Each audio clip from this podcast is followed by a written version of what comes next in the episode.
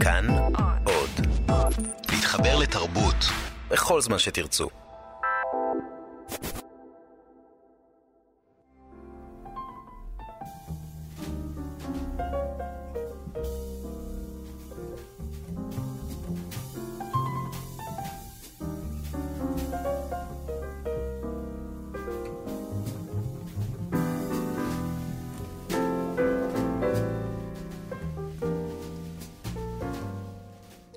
שבת שלום, חג שמח. צהריים טובים. אנחנו בתוכנית ספיישל של התבודדות, כדרכנו כבר, אנחנו סוגרים שנה. סוגרים שנה, נכון, ככל הנראה סוגרים שנה. וכידוע, רק פרעה חוגג יום הולדת, ואנחנו לא נחגוג וכולי, אבל הבאנו תנא דה מסאיה אה, רציני, שאף היה פה למעשה האורח כן, היחיד מתחיל, מתחיל לייצר קביעות בתור האורח היחיד שלנו. של אה, הרגלים. יש לך עכשיו צוקות, מישאל, ת- תרשום לך ביומן. כן, שריין לנו את זהירות אחרי שלושה תוכניות האורח מתחיל להסריח, אז... אה. אבל אה, נציג אותך כפי שצריך, הרב מישל ציון, אה, רב קהילת קלאוזנר, שעוד ניגע ברחוב ובאיש בצורות, ובשכונה, ובקהילה אולי גם. ובקהילה אולי, וראש תוכנית אה, למנהיגות בתרבות היהודית במכון במכון מנדל. אה, ומה עוד? ובעל המחבר של אה, ספר שהיה וספר שיבוא. ו... על שבועות עוד אין לי ספר. על עוד- פסח, ואולי יום אחד על פורים. בינתיים טוב להיות פה, חג שמח. ו- ככה סיימתי את ה- ככה סיימת את, את, את, ההספדים. את ההספדים. אבל יש לך אריאל שקולניק כזה של לעבור אה, ב, ב, בין כל החגים? בין כל הבתי כן, הכנסת בדיוק. האפשריים. אה, לא, אני פחות בהערת שוליים הזאת. אה, אני אה, לומד עם הילדים, אנחנו מארחים הרבה חברים כל שנה, תיקון ליל שבועות, מתחילים מוקדם, בבית, אתה נשאר כל הלילה? ואז אני עד שלוש בבוקר, אני אעיר את אשתי, היא תלך עם הבנות לכותל, Mm. ואני אקום בבוקר אה, לבית הכנסת. כי בכל זאת, מישהו צריך מישהו לקום, מישהו צריך לפתוח את הדלת, כן. שזה יעבוד. אני מת על התפילה הזאת של שבועות בבוקר, של אנשים נטרקים להם. של הלפנות בוקר. של- כן, כן. אתה מגיע... פרצופים נופלים. הנה מוטלות גופתנו, פחות או יותר, זה, זה האווירה. אה, אז אנחנו נהיה סביב, שב- סביב שבועות ותיקונים אה, ותחושות מעניינות שקורות אה, בלילה לבד.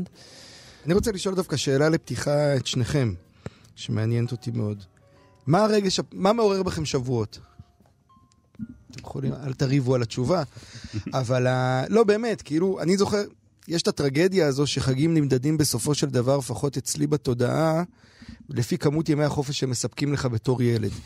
ואין מה לעשות, שבועות הוא חג אה, מתסכל, יש בו יחסית משקיעים הרבה אנרגיה, אתה ער בלילה, ובקושי אתה מקבל איזה איסרו חג שסוגר לך יום אחד של חופש נורמלי, כי כידוע, החג עצמו אף פעם לא חופש אה, מספיק טוב.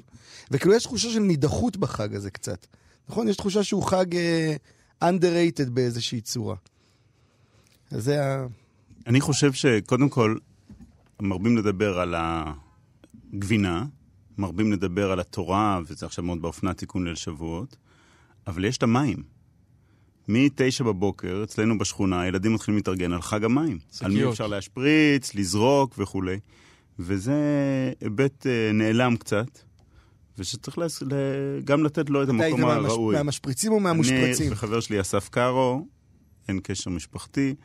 אה, היינו מתכוננים אצלו במרפסת עם שקיות, בלונים וזורקים, והכיף היה שאנשים נהנו מזה, ככה לפחות היה נראה לנו. סיפרתם לעצמכם. בגיל אבל שמונה, לא- אבל תשע. לא רדף אחריכם, אבל ברחוב. בדיוק. אני דווקא בתחושה שזה חג שמעמיד אותי למבחן אמיתי. מהמם. וזה החג הכי עיקרי שבו אני נאלץ לענות על השאלה איפה אני ביחס לתורה היום. והתשובה משתנה מדי שנה. וגם השנה. היא מעניינת אותי. זה מעניין, אני, אני כאילו, התחושה שלי שיש משהו בחג הזה שהוא לא... הוא במהות שלו לא פופולרי. כלומר, דווקא בגלל שהוא חג מאוד מאוד פרטי, הוא מדבר על התורה שהיא כאילו ההתגלמות האבסורד בעולם היהודי, הטקסט הכי חשוב, אבל הכי לא... לא יודע, אולי הכי לא, לא רלוונטי, לא יודע, אין לי את המילה המדויקת, זה לא שהוא לא רלוונטי, אבל הוא... הכי, נוכ... הכי פחות נוכח. אנחנו לא, כאילו, הרוב, שוב, חוץ ממי שקורא אותו בפרשיות שבוע, בסוף הוא לא, הוא לא מפעיל אצלנו את בלוטות הרוק, בשונה מטקסטים אחרים, וכאילו יש איזה מתח בין הדבר הזה, בין מתן תורה, כאילו האירוע הגדול, אבל שזה בעצם אירוע שכל אחד חווה אותו בפנימיותו לגמרי, כל אחד עמד וחווה אותו אחרת. והמתח הזה הוא כאילו, זה מדהים בעיניי. אלפי שנים אחרי, איך הוא עדיין מתגלם בעצם החג הזה, בעצם יום מתן תורה, שהוא כאילו יום גדול ולאומי והכול, או עממי, או לא יודע איך לקרוא לזה בדיוק, אבל הוא בעצם יום מאוד אינטימי וקטן, וקטן כאילו מבחינת הרעש שהוא עושה, והעוצמה שלו היא באמת עובדת פנימה. שזה גם מעניין כשנדבר על החבורות, זה נראה לי המתח שם שהוא מאוד מאוד חזק. אז עם המתח הזה נצא ליהודון אחד ממנסוטה. שבטח אוהב להיות לבד בדרך כלל. בלילה. והאלבום האחרון היפה שלו מ-97. Not Dark It.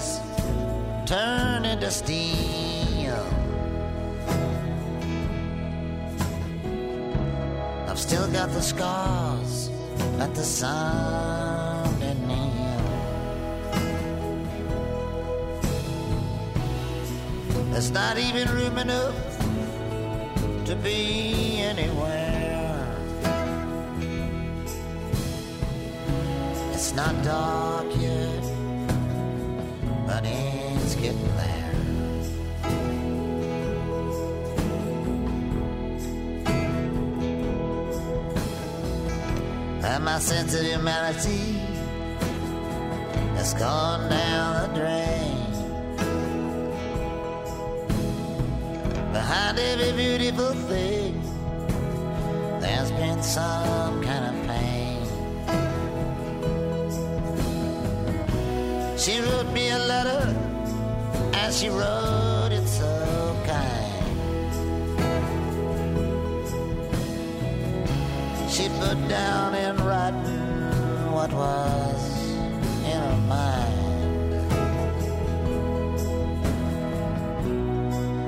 just don't see why I should even care. It's not dark yet, but it's getting there.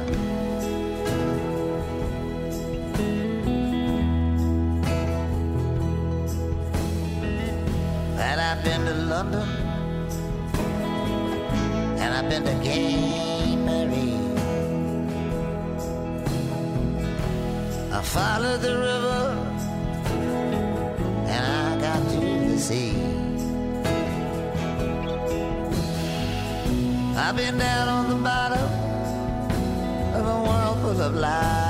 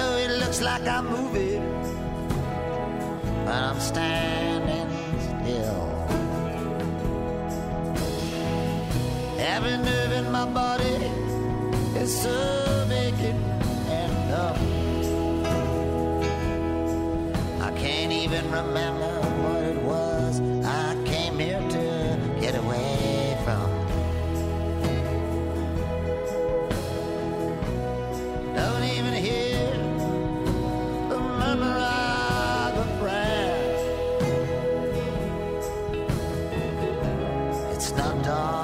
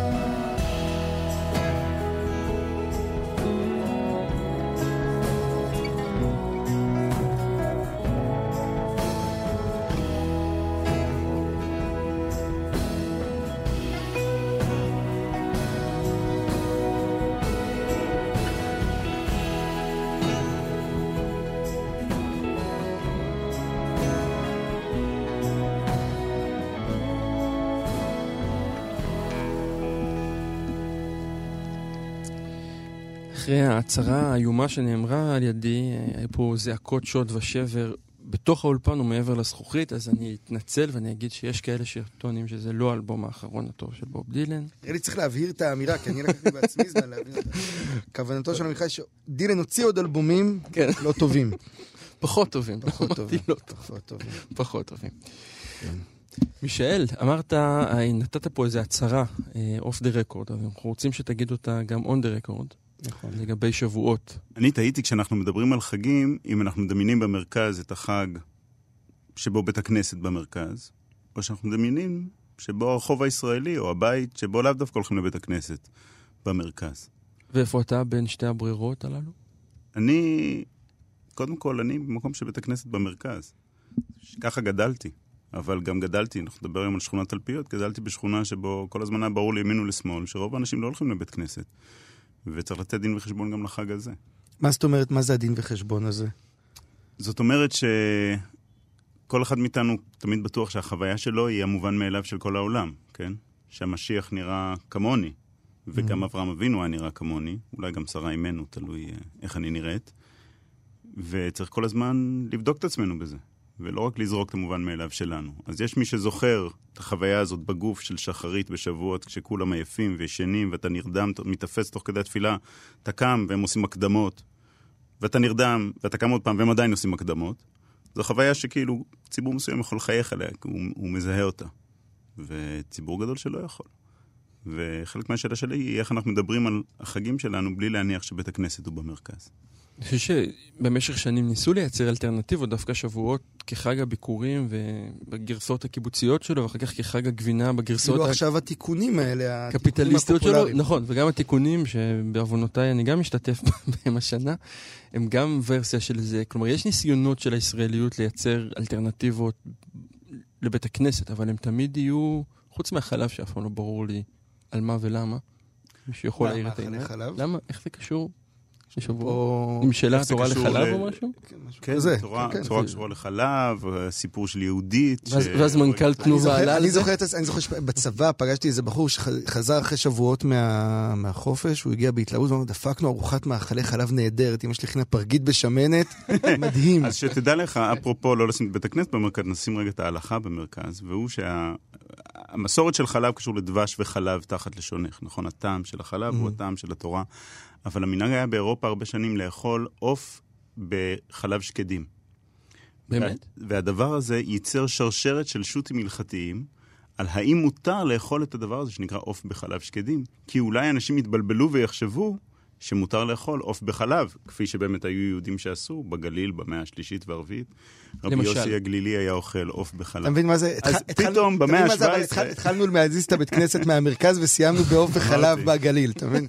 זה בדיוק, ה- זו הסכנה של. המדרון. אני רק אגיד אבל שאתה אמרת קודם על שבועות, שזה חג באמת נידח, ואני אגיד משני כיוונים. אחד, זה שדווקא מהבחינה הזאת אני מת על המאכלי חלב, ומצידי שמחלבות גד ירוויחו פי שמונה בשבועות, כי זה עושה פתאום את מה שחסר לשבועות, וזה שאין הכנה לחג. זאת אומרת, יש ספירת העומר, אפרופו דברים אזוטריים שרק דתיים עושים, כן? אבל לפסח יש הכנה, הכי הכנה שיש. לסוכות יש הכנה. לשבועות אין הכנה. הבית לא מושפע משבועות, הוא לא צריך להתכונן לשבועות. עד שבאו תנובה, בזה- יש בזה אמירה כאילו אסתטית כלפי כאילו התורה, שהיא היא בדיוק האמירה, שאין הכנה לדבר הזה. שזה לא איזה משהו חיצוני שאתה מתכונן אליו, אלא בעצם כל הסיפור הוא קורה בפנים, קורה בתוך הראש. כלומר, אולי באמת נדבר קצת על החבורות והתיקונים, זה בדיוק זה, נכון? כלומר, הסיפור שהדברים קורים בפנים, בין ה... כמעט בלי לדבר, או בלי מילים, או באיזושהי שתיקה כזאת, שבה אתה מתקן את העולם. או מתקן את המציאות, או את עצמך, ולא משנה, אבל אתה כאילו נוגע בפנימיות ולא בחיצוניות. ולכן גם קשה לשווק אותו, בהרבה מובנים. זה יפה ופואטי, ובכל זאת אני אגיד, אם אתה לא צריך לקנות משהו לקראת הדבר הזה, אז זה לא יהיה אמיתי. זה, זה, משמעות, זה. משמעות השיווק. אבל אני אומר, יש משהו בשבועות, במאכלי חלב, שלפעמים מזיזים את הפוקוס. לגמרי. מאותה חוויה פנימית, שבאמת זה מה ששבועות מציע, ולכן זה הטרגדיה שלו. הוא חג עם המון המון עוצמה רוחנית, אבל בעצם אי אפשר לשווק אותה החוצה, כי אי אפשר לשווק אותה כן, החוצה. אבל השיווק והצרכנות הוא לא דבר חדש. הקדוש ברוך הוא אומר לנו שבועיים לפני פסח, לכו תשיגו גדי. אתה אומר, פרוטסטנטיות קפיטליסטית מתורה מנין, יצאנו לידי חובת כן. קרן תקווה. אבל אני רוצה לחזור רגע ל... אה, באמת לת- לתיקונים ולחבורות האלה, ואולי לתיקון הראשון, על אף שהמנהג הזה נראה עתיק יומין. אז בשבילי באמת, שבועות הוא קודם כל לילה של חבורה שלומדת בכיף. ועם כל הטרנד העכשווי והמבורך, שחברתנו, מורתנו רות קלדרון, יש לה כמה מניות טובות בעולם הבא, על הפיכת התיקון למשהו שקיים במרחב החילוני הישראלי, והדתיים הולכים ולומדים מהם וכולי וכולי, ותיקונים בכל רחבי הארץ. אמ, התיקון באמת הוא לא טקסט, הוא לא לילה לשמוע מרצים עם שמות מפוצצים, אלא זה לילה להתכנס עם חברים וללמוד תורה ביחד. ופה גם, בעצם אנחנו חוזרים ל... לש... לשנת 1533, לעיר סלוניקי, 40 שנה אחרי גירוש ספרד, וחבורה של מגורשי ספרד ועוד כמה דברים רעים קרו להם בדרך, והם נפגשים בליל שבועות ומחליטים, אנחנו הולכים לקרוא תורה, נביאים, כתובים, ואז לקרוא משנה, ואז לקרוא בספר הזוהר, והיה להם כוכב איתם בחדר, רבי יוסף קארו, שאנחנו מכירים אותו כבעל הלכה גדול, אבל הוא היה בעצם מיסטיקן מטורף, שהיה לו אה, מתנה ייחודית. המשנה הייתה מדברת מתוך גרונו, ברגעים של אקסטזה רוחנית, ברגעים של לימוד מתמשך, וככה הם נפגשים. ממש, אגב, אה, כשרואים את התיאור, זה תיאור של פרפורמנס גמור. כלומר, אה, אה, הרגע הזה שבו השכינה נכנסת לרבי יוסף קארו ומוציאה ממנו עיוותות מסוימות של קול ותנועות מסוימות. זאת אומרת, יש פה ממש תיאור של אה, כמעט מחזה. ואנשים שלא מאמינים ובאים ביום השני לבדוק האומנם... אז ה- שווה לקרוא, אפשר לקרוא. כמה שורות. המכתב, מה שקרה זה שרבי יוסף קארו ורבי שלמה אלקבץ ועוד כמה חבר'ה נפגשים בסלוניקי, ואחרי תן זה... עליהם כמה מילים על הדמויות האלה, שככה. כן, אז אנחנו מדברים על בעצם, אמרתי, 40 שנה אחרי גירוש ספרד. כל החבר'ה האלה נולדו בספרד ברובם, או ממש בשנים אחרי, זאת אומרת, יש להם תודעת, אנחנו מכירים את זה, תודעת עריקים, תוד, תודעת גולים. עזבו עולם, העולם היהודי בשיאו, ועזבו אותו, והם עכשיו באימפריה העות'מאנית שקיבלה אותם בזרועות פתוחות, והם גם מצליחים כלכלית ונוח להם, יחסית. יש כל מיני סיפורים ברקע, אבל רבי יוסף קארו מצד אחד, רבי שלמה אלקבץ, מי שאנחנו מכירים אותו אחר כך כמחבר לחד דודי, ותכף, בעקבות הלילה הזה, יש כאלה שטוענים, בעקבות הלילה הזה הם יגיעו לצפת. לצפת, המאה ה-16, שם הקבלה באמת תופסת תאוצה. יגיד אחר כך גרשום שלום, באיזשהו מקום הציונות גם קשורה למה שקורה בצפת במאה ה-16, ואם כן, אז היא קשורה למה שקרה באותו לילה. שלוניקי. שלמה אלקבץ כותב את מה שקרה באותו לילה במכתב, והמכתב הזה מודפס. המצאת הדפוס גם, פתאום הדפוס נהיה נפוץ, והמכתב הזה מופץ גם במזרח אירופה, גם בצפון אפריקה. עד היום, אם אתה פותח מחזור של עדות המזרח של שבועות, תמיד, בתוך המחזור, כחלק כמעט מהתפילה, יש את המכתב הזה. ואז עדות המזרח עד היום קוראים תיקונים, לא לומדים תיקונים. לא שומעים תיקונים, קוראים תיקונים. זה הבדל מאוד גדול. אני רק אקרא כמה שורות מתוך, המש... מתוך המכתב הזה. הסכמנו החסיד רבי יוסף קארו ואני, עבדו ועבדכם מהחברים, לעמוד על נפשנו ליל שבועות ולנדד שינה מעינינו. ותודה לאל כן עלה בידינו, כי לא הפסקנו רגע, רק כאשר תשמעו ותחי נפשכם. וזהו הסדר שתיקנתי וסידרתי בלילה ההוא. ראשונה תורה, קראנו פרשת בראשית וכולי, ואז הוא מפרט את כל הפסוקים שהוא קרא, ואז הוא אומר ככה, ובעת שהתחלנו ללמוד המשנה, ולמדנו שתי מסכתות, זיכנו בוראנו ונשמע את כל המדבר בפי החסיד, זה רבי יוסף קארו, קול גדול בחיתוך אותיות, וככה הוא אומר: שמעו ידידיי המהדרים מן המהדרים, ידידיי אהוביי, שלום לכם, אשריכם ואשרי יולדכם, אשריכם בעולם הזה, אשריכם בעולם הזה, אשר שמתם על נפשכם לעטרני בלילה הזה. אשר זה כמה שנים נפלה עטרת ראשי ואין מנחם לי, ואני מושלכת באפר, חובקת אשפתות, ואתם החזרתם עטרה ליושנה. הנה עומד הרב הזה, וקול של אישה יוצא מגרונו. זה הקול של השכינה, השכינה. שהיא גם המשנה, היא התורה שבעל פה, והיא אומרת לחברים, אתם תיקנתם אותי והעמדתם אותי וניחמתם אותי, ועכשיו היא מצווה עליהם ללכת לארץ ישראל. אבל היא גם אומרת להם, חבל שאתם רק שבע. אתם רק שבעה אנשים. אם הייתם עשרה אנשים, וואי וואי מה שהיה קורה פה. למחרת... עשרה אנשים הם עניין לטובת... אה, כן. בדיוק. למחרת הם הולכים, קמים בבוקר, הולכים לטבול במקווה, כי זה כנראה מה שעושים שם בסלוניקי, ושם הם מוצאים, הוא אומר ככה, ושם מצאנו לשלושה חברים אשר לא נמצאו שם בלילה ההוא, וגערנו בהם, ונספר להם את כל הטובה אשר עשה השם עמנו, וימס ליבם בקרבם וגאו בבכייה, וגם אנחנו התחזקנו כנגדם ובכינו, יען בסיבתם לא זכינו עוד, והפסדנו. אז אפילו אם אני מנקה את כל שאר הדברים, רק אומר, יש פה חבורה שאוהבת ללמוד ביחד, שמייצרת חוויה רוחנית אינטנסיבית, ושגם יש את הקטע של לקום בבוקר שאחרי ולפגוש את החבר'ה ולהגיד, וואי וואי, איזה תיקון אתם פספסתם אתמול בלילה, חבל שלא הייתם. כן, ואז הם נפגשים גם בלילה השני, שתי ימים של יום טוב, שתי ימים של שבועות, והסוף של זה שהם מגיעים לארץ ישראל, ושם מתרחשת הפריחה של צפת, שסופו מי ישורנה. סופו אה, נמצא במי שכתב את ה... בוא נצא לשי צברי ונמשיך קצת כן. אחרי זה לתוך... אה. לא, אני רק אגיד שהם מגיעים כן. לצפת ופוגשים את הארי, שכתב אה, בין היתר את הזמר בשבחים.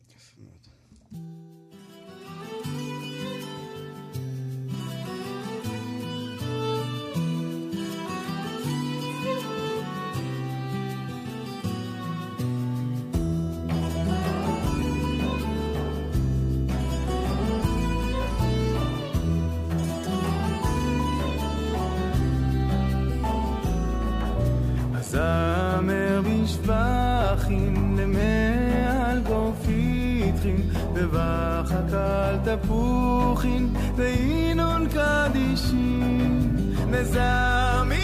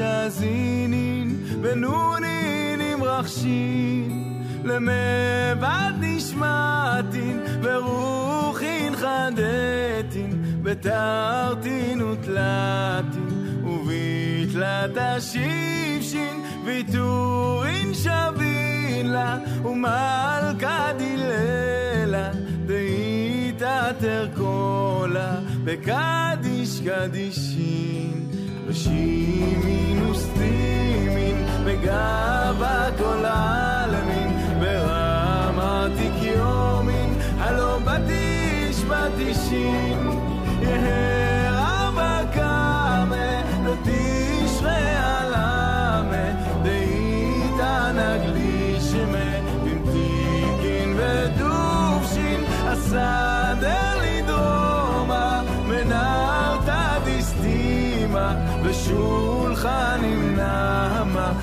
בצפון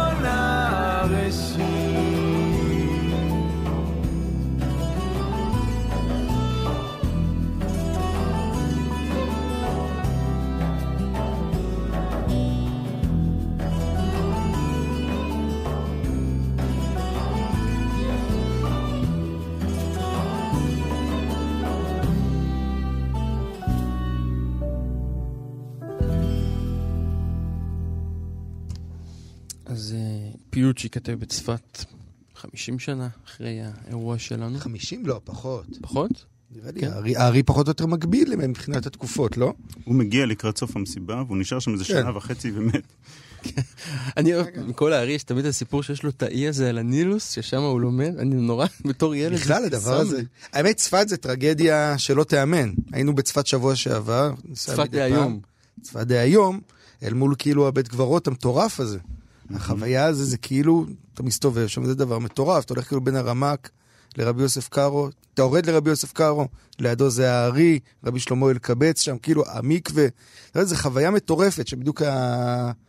עוד מעט נחזור, עוד רגע נחזור לחבורות, אני רק אתן את החוויה הזאת שהייתה. הלכתי לשם כדי לטבול במקווה הרים, עושה את זה מדי פעם, סבא וסבתא שלי קבורים שם, בא בית קברות בצפת? בבית קברות העתיק בצפת. והגענו, בדיוק אמרתי לאשתי, הגענו, כאילו, נכנסתי, טבלתי, איך שיצאתי, יש שם, מי שמכיר, יש שם כאלה מדרגות שיורדות מהמוסדות תורה ישירות למקווה. אתה רואה שם כמות של איזה, אני לא מגזים, אני חושב לפחות 100, 150 ילדים שפשוט רצים במדרגות לטבול בהפסקת מנחה במקווה. ונוצר לך שם תור מטורף, ונוצרת איזו חוויה, כאילו, אני אומר את זה כי זה אפרופו האקסטזה הזאת של התיקונים. כלומר, יש משהו ב... קצת דיברנו ב... באמת בין השירים על האובייקטיביות והסובייקטיביות. ברגע שאתה מייצר חוויה סובייקטיבית חזקה, אז בסוף גם בת קול כאילו מופיעה החוצה. כלומר, החוויה הזאת של התיקון, היא חוויה שהסובייקט בה הוא מאוד מאוד חזק. האנשים האלה יושבים, וזה גם, בגלל זה גם, זה היה נכון, אני חושב שהתחלת בגירוש ספרד, כי כל התודעה שלהם היא איזו תודעה כזאת של חורבן וגאולה ושועלים שיוצאים מהר הבית, וכל העולם האסוציאטיבי שלהם הוא עולם שמכוון למקום הזה. ואז הם מגיעים כאילו לתיקון, כשאתה דיברת על התיקון, מילה שתפסה אותי, זה המילה הזאת בכיף. אני חושב שיש פה הכל חוץ מכיף. כלומר, יש פה חוויה שהיא היא באמת במשקל כבד. האנשים האלה באים לש- לתקן את העולם. כלומר, הם לוקחים את המילה הזאת תיקון, וזה לא כמוני עם הבוטנים ליד והקפה השחור, ואני ש- קורא את הטקסטים או שומע וכולי, אלא יש משהו ב... הם באמת באים לתקן את העולם ברמה הכי לא צינית שלו. כלומר, הטקסטים האלה, אני חושב גם קראת את זה מאוד מאוד חזק, במובן הזה שהוא טקסט מאוד מאוד לא ציני. כלומר, הוא שרוי בתוך הקטע ובתוך החוויה הזו, ומתוך זה זה מתנהל. הוא, אמ, אין בו ציניות, ויש בו הרבה רצינות, ו, ויש משהו הרי גורל בהתנהגות שלהם, אבל יש שם ארוס. ברור. והארוס הוא, אתה אומר, כשאתה אומר, אה, כאילו יש שם רצינות, הם הולכים, הם הולכים להביא את המשיח, זה נשמע כמו איזו פעולה מכנית כזאת שהם הולכים לעשות, אבל הארוס הוא מחונן לא על ידי איזה פנטזיה של מה יהיה כשהמשיח יבוא, כשמ... הארוס מחונן על ידי החבורה שלומדת, ככה אני מבין את זה. ההתרגשות שלהם, והמחשבה של היכולת שלה להביא את המשיח. כלומר, הם באמת מאמינים שהדבר הזה יכול לקרות. זה הארוס. הארוס הוא בדיוק, הוא באמונה. אם אנחנו מדברים על חג האמונה כחג מתן תורה וכו'. אני, אני מתקשה ברגע הזה, כי את זה אני לא יכול לדמיין. אני לא יכול לקחת את- את ה... מה אתה לא יכול זאת אומרת? לדעתי חלק, אני, אני אגיד עוד פעם, האנרגיה יוצאת ממה שמתרחש בחדר עכשיו. זה לא... האנרגיה לא מתרחשת מזה שוואי, אם נצליח בזה, אז נעשה משהו אחר. הטקסט מדבר על אנרגיה שמתרחשת בחדר, ועל חוויה שברור שהיא מוסבת על להביא איזה משהו טוב לעולם אחר כך. אבל מבחינתי, וזו אולי האמירה מבחינתי על תיקון ליל שבועות, הוא שהתורה ניתנת באותו רגע, ברגע של החבורה שמתכנסת סביב ומקיימת את זה, ואם לא היה את הארוס בלייב, אז זה לא משנה אם המשיח יבוא או לא. אז בואו נדבר רגע על, על הזמן. אני חושב שזה, שזה קאץ' משמעותי, כי הסיפור הזה, מה שמכונן אותו, וככה קראתי אותו לקראת השידור הזה שוב, הוא שיש רגע אחד. וזה, אגב, כל החבורה הזאת, זה אולי הסיפור הכי מכונן של הדבר הזה, זה הסיפור שיקרה אחר כך בצפת, שהארי אומר להם, מגיע המשיח. בואו נלך. כן, בואו נלך, והם אומרים לו, זה ערב שבת, והם אומרים לו, הכל סבבה, רק תן לי להודיע לאשתי, היא שמה כבר דברים על האש וכולי, וכשהם חוזרים הוא אומר להם, אה, וואלה, פספסנו." שזה תמיד הדבר, הדבר הקומי בסיטואציה הזו, שהוא אומר להם את זה רק אחרי שהם חוזרים. אחר כך פספסנו, בסדר, לא הלכתם. כן. אבל כאילו הוא מחכה, יש בזה משהו... זה- בוא זה. סיפור זן. כן, כן, כן, אבל, בדיוק. אבל ה- גם כאן, כלומר, יש רגע מסוים שהדבר יכול להתרחש, ויש התכווננות מסוימת גם לחצות הלילה, ויש לזה הקדמה, ויש לזה סוף, ויש בו איזו דרישה, וזה מה שאותי הכי תופס בסיפורים האלה, לתפוס את קדושת הזמן, אה, סליחה על הצרפתית, אבל בביצים. באמת. כלומר, לא לשחק משחק. יש פה רגע מסוים שיכול להתרחש בזמן מסוים נקודתי בלבד. והוא לא יכול. החבורה הזאת תתכנס ביום שלישי וזה לא יקרה. זה יכול לקרות עכשיו. זה לא יכול לקרות מחר. אני חושב, אני גם לא, אני לא חושב שזה סותר, כלומר, ההתכווננות, אולי זה, דבר, זה הדיוק, אני חושב, ההתכווננות היא לא סותרת את ה... להיות בזמן, בהווה עצמו, אבל היא כאילו במובן מסוים, היא מאפשרת אותו, או היא מייצרת איזשהו מרחב שלתוכו הדבר הזה קורה. יש את הדימוי היפה הזה של עמוס עוז לגבי כתיבת פרוזה, הוא אומר, אני בעל מכולת, אני כל יום פותח את המכולת ומחכה שהלקוחות יבואו. ולפעמים באים ולפעמים לא באים כמובן, כמו, הדימוי הוא כמובן לסיפורים. ואני חושב שזה אותו דבר גם פה. כלומר, אתה צריך לפתוח את המכולת כדי שתוכל למכור, אבל זה לא משנה, זה לא מכריח שיבואו או לא יבואו. כלומר, יש משהו בהתכווננות או במחשבה, בתודעה שלהם, זה קצת אגב באמת קשור לזוגיות או לאהבה, אפרופו ארוס. כלומר, זה קשור לדבר הזה שאתה הופך את עצמך לכלי, כדי שהדבר הזה בכלל יוכל להתרחש. לדעתי יש פה, הת- התיאור שלכם הוא נשמע לי מפספס, במובן הזה שהוא לדעתי חושב היסטורית מדי. ואנחנו צריכים לחשוב מיתית. וכשאתה חושב זה על זה... לא רגע אחד. זה שעכשיו הוא קורה ואז ליניארית הוא לא יקרה עוד פעם. זה רגע מיתי ולכן הוא מתרחש כל הזמן. ומצד אחד זה רק עכשיו, ולא כל העיתים שוות, ככה היא אומרת להם השכינה, ומצד שני, אפשר גם להתכנס מחר בלילה. אבל והמיתיות הזאת, שהיא חוזרת כל הזמן, היא, היא פשוט תודעה אחרת, והיא אפילו מתרחשת בצחוק הזה של שני ימים, של יום טוב שני של גלויות. כאילו שבועות אצלם זה לא לילה אחד, זה שתי לילות, הם יכולים להתכנס פעמיים. תודה לאל שזה לא קורה אצלנו. אחרת בבית אביחי כבר מזמן היו אה, כן, נרדמים. כולם. כן. אבל, אבל הרעיון הזה של... בתודעה ההיסטורית יש שני ימים שבועות, ואז זה לא הגיוני. איזה יום שבועות? שב... התורה ניתנה רק פעם אחת, אי אפשר עוד פעם. ליל סדר שני, זה הדבר... בשביל ישראלי שחוגג בחו"ל ליל סדר שני, זה כאילו כמו בוקס בבטן. אז תיקון ליל שבועות שני ברציפות, מה קורה פה? אבל זה רק נכון אם חושבים ליניארית. כשחושבים מיתית, זה בדיוק העניין. נכון, זה יומיים. אבל גם בחשיבה האמיתית, ואני חוזר לדברים היפים של יאיר, ההתכוננות היא קריטית. ואני אני מרגיש שזה, אני יכול להגיד על עצמי שהרגע שהפסקתי להאמין ששבת יכולה לגאול אותי, היה הרגע Mm. שהפסקתי ללכת למקווה. והמשכתי ללכת למקווה זמן רב אחרי ש... לא יודע, שהאמנתי במיסטיות השבתית. אבל ב- ביום שהפסקתי ללכת למקווה כהכנה לערב שבת, הבנתי שהפסקתי להאמין לסיכוי שמשהו יתרחש, משהו גדול יותר יתרחש, ועברתי למין מצוות אנשים מלומדה. דרך אגב, מה האבות שלכם חושבים על זה שאתם הולכים למקווה? אני רק סקרן, כרגע היסטורי. אבא שלי לא, לא, איפה- חובב מקווה ידוע, אז הכל בסדר. כן? אתם, זאת אומרת, אתם הולכים למקווה ובאיזשהו מקום ממשיכים מסורת משפחתית? או שזה משהו שהיה איזה רגע רציונלי, איזה דור או שניים של אה, היפר-רציונליסטים ששנאו את אני חושב, אני חושב שזה מת, הזאת. מת, מתחבר בדיוק למקום הזה של ההתכווננות, זה לא רציונלי או לא רציונלי. זה פשוט איזושהי חוויה באותו רגע, לפחות עבורי. כאילו המים החודרים האלה, שזה לא המקווה שאתה המחומם בזה, אלא אני חושב, זה פחות אה, מפעיל אותי בדרך כלל. החוויה הזו של המים הקרים היא חוויה מכוננת ממש בתודעה, היא מייצרת נקודת מבט אחרת על המציאות, בעיניי. ושוב, אני חושב שזה אותו דבר כמו פה. כלומר, אותה, אותו יכולת לתפוס את הרגע קשורה לעובדה שאתה עובד כל החיים בשביל הרגע הזה. כי אחרת לא היית תופס אותו. וזה כאילו, אני- בגלל זה אני חושב שההיסטורי וה... והמיתי מתח... מנהלים כל הזמן. מערכת יחסים. מהמם. לא מתחברים, אבל הם מנהלים, מנהלים מערכת יחסים בין, בינם לבין עצמם, וזה תמיד היכולת לתפוס את שני הרבדים כדי כאילו לייצר משהו. רגע לפני שנצא לשיר, אני רק רוצה לספר אנקדוטה, כי פשוט הרמת פה להנחתה.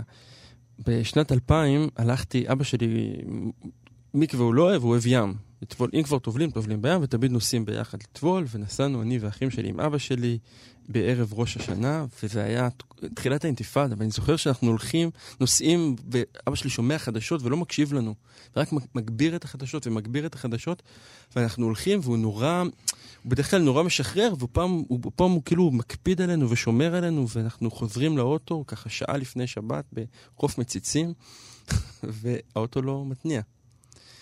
ולא מתניע, ולא מתניע, ועוד שנייה ראש השנה, והוא נכנס ללחץ, ואנחנו לא מוצאים מונית, וברקע כבר כאילו, אני לא יודע אם אתם, אתם זוכרים או לא זוכרים, היה כאילו טרפת ותחושה שהעולם כולו הולך, ואז אבא שלי אמר משהו כמו, טוב, לפחות אנחנו מוכנים. זאת אומרת, הטבילה הזאת כאילו הייתה עבורו, ואני חושב שבמובן הזה זה חדר גם אליי, זה באמת התכוונות מאוד מאוד גדולה. שיר, ואנחנו נמשיך מהמקום שהפסקנו.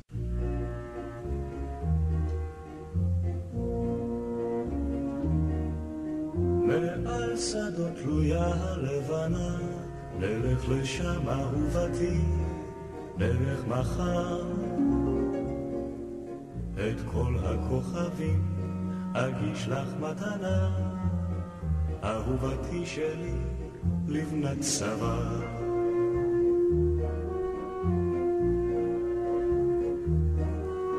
בכרם יש כבר אשכולות שלי, נלך לשם אהובתי, נלך מחר. בשקט נתגנב, כמו שניים שועלים, אהובתי שלי, לבנת צוואר.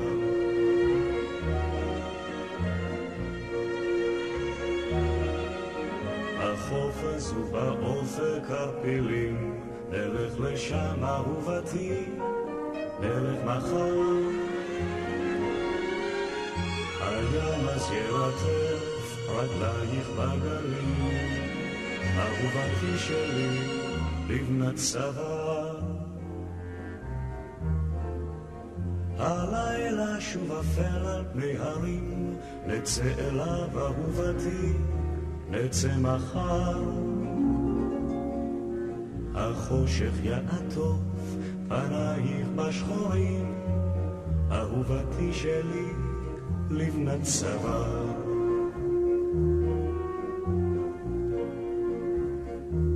בפרדסים בושם הפריחה, נלך לשם אהובתי, נלך מחר. בלובן השקט אקרא לך בשמחה, אהובתי שלי, לבנת צוואר.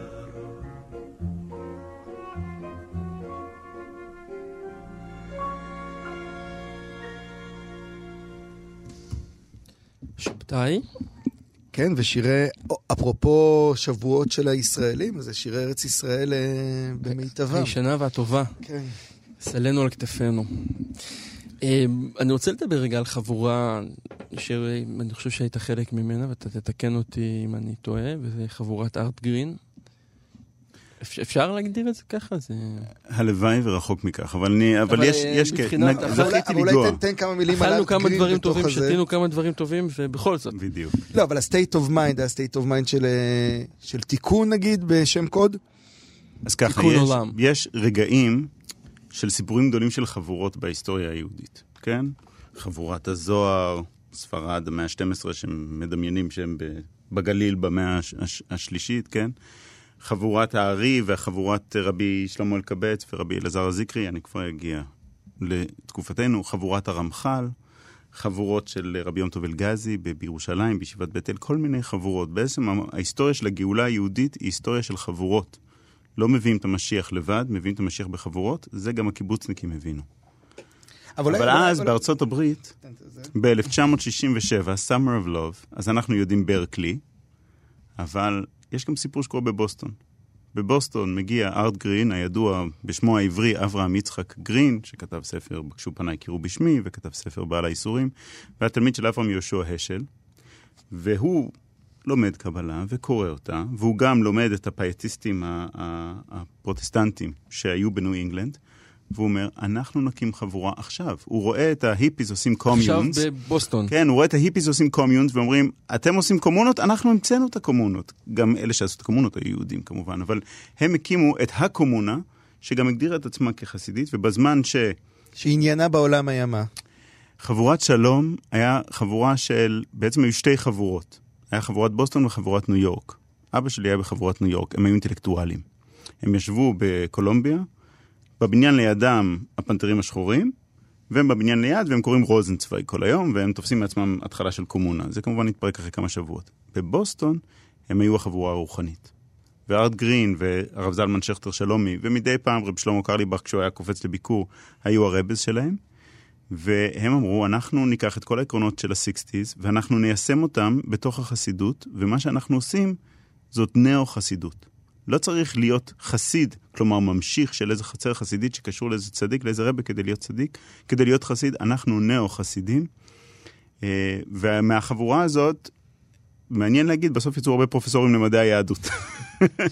כדרכם של לא, אבל מה אתה מסיק מזה על החבורה הזו? אני באמת רוצה להבין את עניינה בעולם, אפרופו התיקונים, אפרופו לעש- לעשות משהו משמעותי, אפרופו המקום שאתה יכול או לא יכול להתחבר אליה. אני אגיד את זה אולי ככה. אחת החוויות המכוננות של להיות יהודי אמריקאי בשנות ה-60, יהודי אמריקאי צעיר בשנות ה-60, היא שהכל פייק. שאין אותנטיות. כי הם גדלו בפרברים, ואין אותנטיות, אין אותנטיות באמריקאיות, גם אין אותנטיות, בוודאי שאין אותנטיות ביהדות, לא ביהדות של הבתי כנסת שהם גדלו בו, ושל ההורים שעושים דברים שהם בעצמם לא באמת מאמינים בהם. ואז הוצאו להם שתי אותנטיות חזקות. אותנטיות אחת זה מדינת ישראל, ה-Six Day War, כן? ושם בעצם פעם ראשונה שהאמריקאים עולים לישראל, גם לא במספרים אדירים, אבל שם זה התחיל. אחרי 48 מעט מאוד אמריקאים, יהודים אמריקאים עניין אותם לבוא לכאן. אבל האותנטיות השנייה שמוצעת, חוץ ממדינת ישראל, היא האותנטיות של רוחניות, וזה מגיע מהמזרח, אבל גם מגלים אותה בתוך היהדות, וגם לאפרו-אמריקאים יש פה תפקיד חשוב. ואז, שאלת מה העניין של החבורה הזו, להגיד, אפשר לעשות את זה כאן. לא צריך להיות נוסטלגיים למזרח אירופה. לא צריכים להיות נוסטלגיים גם לא לצפת או לירושלים או גם לסלוניקי. לא למזרח התיכון פה הטוב. בבוסטון יתגלה המשיח, ואנחנו אפילו יודעים שמשיח זה פשוט מילה אחרת לאיד או לסופר אגו. זאת אומרת, כבר גם אין להם שום בעיה עם התרגום של זה לתוך שפה פסיכולוג... פסיכולוגיסטית מודרנית, והרוחניות הזאת של החבורה שאומרת זה קורה כאן, היא, אה, אני חושב, היא באמת פרצה דרך של משהו אחר ביהדות ארה"ב, שתמיד מאוד פחדה מהכאן הזה. הם היו באדמה לא קדושה. וחבורת בוסטון, חבורת שלום, בין השאר אמרה, האדמה הזאת, הבניין דירות הזה, מבחינתנו הוא ארץ ישראל. זה כאילו לייצר מיתולוגיה חדשה, עדכנית ובזמן אמת. אם אני, תמיד זו התחושה שלי כשקראתי את, אה, את ארט גרין בעיקר בבקשו פניי, זה ניסיון לה, כמעט להגיד, אה, אנחנו יכולים לייצר תחלופה אותנטית לחלוטין במרחב הזה. ואנחנו לא צריכים ללכת אחורה כמו שאמרת, ואנחנו גם לא, לאו דווקא מסתכלים רק על השכונה שלנו. כלומר, בדיוק. מה שמדהים שם זה הצורך, שלדעתי לא קרה לפני ואחרי, להיות באיזושהי סרקולציה עם העולם הלא יהודי, נגדיר את זה ככה. לדעתי, המיסטיקה היהודית תמיד הייתה בסירקולציה אדירה, אם לא יהודים. אבל לא עם כל הזמן. אבל לא עם ומי הת- שמספר סיפור אחר לא יודע על מה הוא מדבר. זה נכון ברמת ה... ה... בוודאי לא מיסטיקנים במובן עצמם. דקלרטיבי, אבל. כן. נכון. זאת אומרת, מבחינתם היה ברור שת'רו, כן, ווולדן פאונד ורלף וולדו אמרסון הם גדוילים, לא פחות מהבעל שם טוב, ו- והשילוב הזה הוא מדהים. יש... וגם לא היה צריך להתנצל על זה, זאת אומרת, זה מה שאולי תופס, נגיד, אני חושב על בחור הישיבה שהייתי בגיל 18, כשאתה קורא את זה, זה מה שתופס אותך. החוסר אפולוגטיקה כלפי העניין הזה. כן, צריך גם להגיד עוד משהו, והוא ש... ליהדות ארצות הברית, כמה אנחנו יכולים לרדת עליה מהישראליות שלנו, על החוסר אותנטיות של יהדות ארצות הברית, וברור שמשה לא דיבר בהר סיני במבטא אמריקאי. אתה שומע קריאה בתורה במבטא אמריקאי, אתה מזדעזע, כן? ברור שהוא גם לא נשמע כמו ישראלים, הוא אולי נשמע כמו תימני במקרה הטוב, אבל בכל מקרה, אחד היתרונות והאותנטיות הגדולות של יהדות ארצות הברית זה החיבור ליידיש. שבישראל נמחקה... שככה משה דיבר בעצם. בדיוק. ולכן, נגיד, אחד הדברים, אחת העבודות הרוחניות שלהם, הם היו אומרים, אנחנו, אה, לימדו אותנו לעשות prayer, לעשות תפילה, אבל אנחנו הולכים לעשות פרקטיקה אחרת כאן, וזה נקרא דוונן. לעשות דוונן זה סיפור אחר לגמרי. השאלה, אני רוצה לחזור שנייה לעניין של האותנטיות, והאם אין סתירה בין אותנטיות לחבורה בעצם? כלומר, האם החבורה הזאת, כמו שאתה מתאר, שהיא בחוץ והיא מנסחת טקסטים על היותה חבורה, והיא מדברת את היותה חבורה וכל קיומה הוא חבורה, האם הוא לא סותר את האותנטיות, או לא נוגס באותנטיות, אם תרצה, אל מול החבורה הזאת באמת של רבי יוסף קארו, ששוב, החוויות שם הם מאוד, הדבר הכי חזק, שהם כולם אינדיבידואליסטים, שההתחברות שלהם היא רק... אה, אינסטרומנטלית. אינס, כן, אינסטרומנטלית, או הם, לפחות הם לא מדברים כחבורה, כל אחד שם עושה את הדבר שלו, והם נפגשים ביחד, אבל כל אחד הוא אוטונומיה מאוד מאוד חזקה בפני עצמו. וכאילו ספק אם הם בכלל מדברים ביניהם, כן? מטאפורית כמובן. לדע, לדעתי אולי, אני מבין מה שאתה אומר, ואני הייתי אומר בדיוק... שואל, לא החבורה אומר. שואל. לדעתי החבורה יכולה להיות אותנטית מאוד, כל עוד היא מבינה שלעשות חבורה זה להכניס את הפוליטיקה פנימה. מה זה אומר? זה אומר שאנחנו יודעים שיהיו דינמיקות, וזה לא יהרוס לנו את הרוחניות. יש רגע שבו רבי חיים ויטל הולך לארי ומתלונן על, בפני הארי על חלק מבני החבורה. אתם אולי מכירים את הדינמיקה הזאת, שבו אתה אומר למורה, תשמע, אבל לא כיף עם הבחור השני הזה, למה הזמנת אותו אלינו ללימוד? כן? ורב חיים ויטל מספר על הארי, שהארי אמר לו, לא, הוא שם רק כדי שאתה תיקח את החלקים הטובים בו, והוא ייקח ממך את החלקים הרעים בך. ואז נעיף אותו מהחבורה. לדעת רבי חיים ויטל, ככה באמת קרה. אבל אני אומר, שם, גם שם כל החבורה עניינה היה הארי, ולא החבורה באיזושהי צורה. כלומר, master. אני מנסה להבין את הדיוק הזה, אבל... אבל אולי נצא רגע כן, לשיר אחרון. נעשה שיר ו- ונחזור. ונסגור.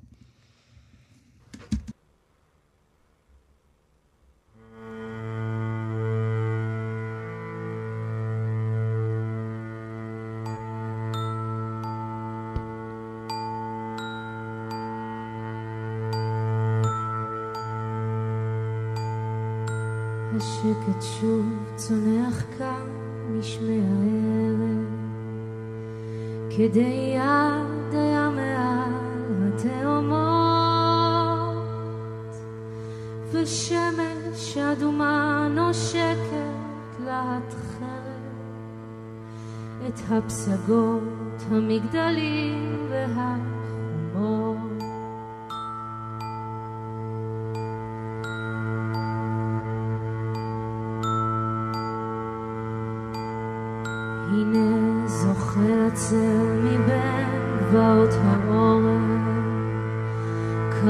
בסתר כאוהב אל השכונות,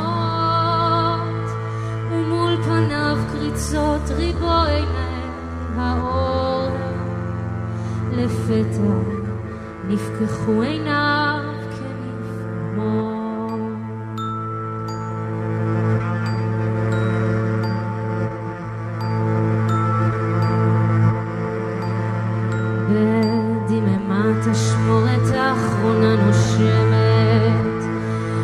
ובקטיפת שחקים רסיס אחרון מחוויר אך שחר כבר כיפת זהב שלה אודמת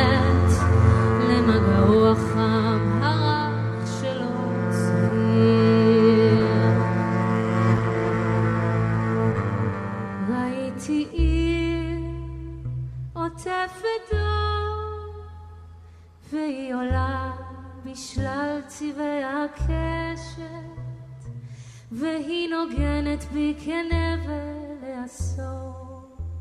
ראיתי עיר עוטפת אור, ראיתי עיר עוטפת דור, והיא עולה בשלל צבעי הקשת, והיא נוגנת בי כנבל העשור.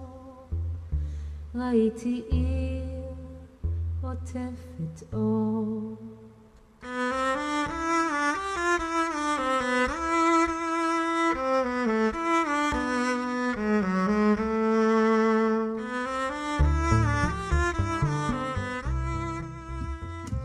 זאת אה, מאיה בלזנצמן ומתן עופרת.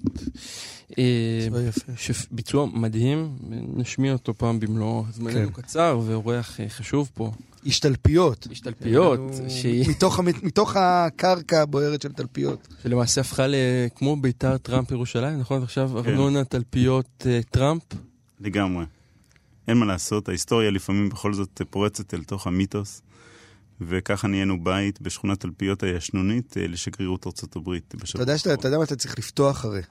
אתה צריך לפתוח עכשיו, לקנות כמה ארונות כאלה ולעשות לוקרים, כמו בשגרירות פה.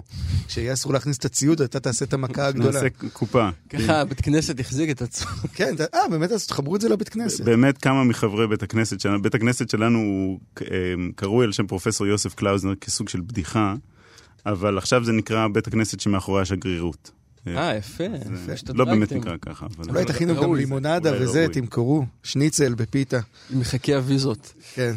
אבל אה, תגיד רגע משהו על תלפיות, כי באמת רצינו ולא הספקנו אה, לקרוא קצת יותר מהסימן של עגנון, שמתרחש בערב אה, שבועות בתלפיות.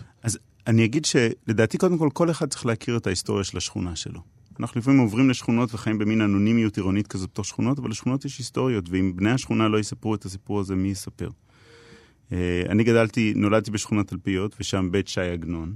וכאילו- שגם נמצא ברחוב קלאוזנר. ש... עם ה- שנמצא ברחוב קלאוזנר, ועמוס עוז כתב על זה יפה, שזה היה עונש של עגנון, שקלאוזנר נפטר לפניו, אז עגנון, אה, שהם היו ככה אה, יריבים נפלאים. אבל לעגנון יש סיפור אחד יוצא דופן, הסימן, מכל היצירה שלו, הסיפור היחיד שבו הוא מדבר ישירות על השואה. ופלא גדול, למה עגנון ממעט לכתוב על השואה. וגם הסיפור הזה, כדרכו של עגנון, הוא מלא בחידות אה, ורזים. והוא מספר איך שב-1943, בליל שבועות, הוא קורא בעיתון על בוצ'אץ', העיר שלו, שנחרבה. בעצם הכותרת היא שכל יהודי גליציה הושמדו. והוא מבין מזה שגם הכפר שלו, העיירה שלו. ואז הוא נכנס מתוך זה לתיאור נפלא גם של שכונת תלפיות וגם של ליל שבועות, ואני רוצה לקרוא כמה שורות רק בשביל לסבר את האוזן. הוא פותח ככה: אותה השנה שבה השמועה שנהרגו כל היהודים שהיו בעירי, דרתי בשכונה אחת משכונות ירושלים. לא עשיתי מספד על עירי, ולא קראתי לבכי ולאבל על הדת השם שכילה האויב, שאותו היום שנשמעה השמועה על העיר ועל הרוגיה, ערב שבועות היה, ואחר חצות היום היה, והעברתי את אבלי על מתי עירי מפני שמחת זמן מתן תורתנו.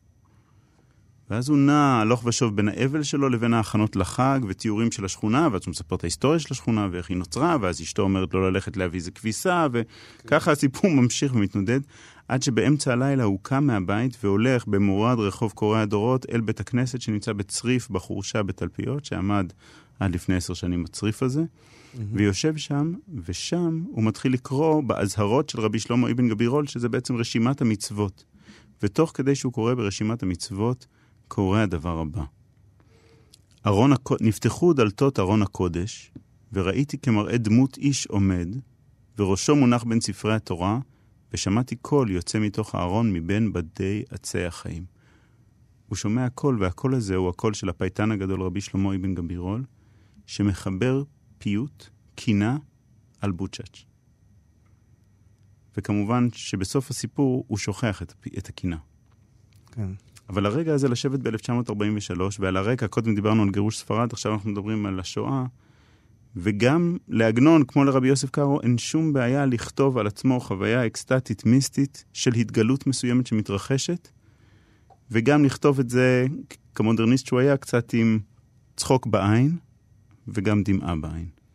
אז איך אנחנו, כמי שחיים בתלפיות היום, וההיסטוריה רוגשת עלינו, ממשיכים לספר את הסיפורים האלה, כשאני אלך לבית הכנסת באישון לילה, אני אחשוב לעצמי שיש לי גם אולי איזה חלק בסיפור חלק הזה. קטן. כן. רק נגיד, אני, הערה שלא קשורה לכלום, אני חושב שפעם ראשונה שהגעתי לתלפיות, לא הגעתי לאזור הזה של תלפיות. אתה מגיע לתוך מוסכים, ואתה אומר לעצמך, עגנון, תלפיות. נכון. בין- בין הנגרייה לנפחייה. אבל אנחנו- יצא- יצא לנו כן. סוף קצת אה, טרגי או עצוב, ואני חושב שיש בדבר הזה המון המון עוצמה. כלומר, אני חושב שאם יש משהו שיוצא מהתוכנית שלנו היום, ושווה לקחת אותו הלאה, זה באמת את הגרעין העצום של הפוטנציאל שיש בחג הזה בשבועות, ב- באמת במתן תורה. אז עם אה, מחשבה טובה זו, נסיים ונודה למישאל ציון, הרב מישאל ציון, שסייע לנו גם הפעם, ויבוא לפה גם בסוכות. למעשה רינו צרורי כזה, להבטיח למראיין, זה- לקבוע איתו זה דדליין. מעשה ידוע ברדיו. מעשה ידוע, ונודה אבל נשים לנדב לך גם את אלפרין. בניית הסוכה לפני. שתהיה הכנה שלו. אותי ואת שלומית. לשרון לרר שהיה לטכני ולנדב אלפרין שהפיק וערך אותנו. שתהיה שבת שלום וחג שמח, ורק נגיד שאנחנו יוצאים לביל אבנס, שהוא האות הפותח של התוכנית שלנו, ואנחנו שנה בתוך הסיפור הזה של ההתבודדות. אז אנחנו מסיימים איתו.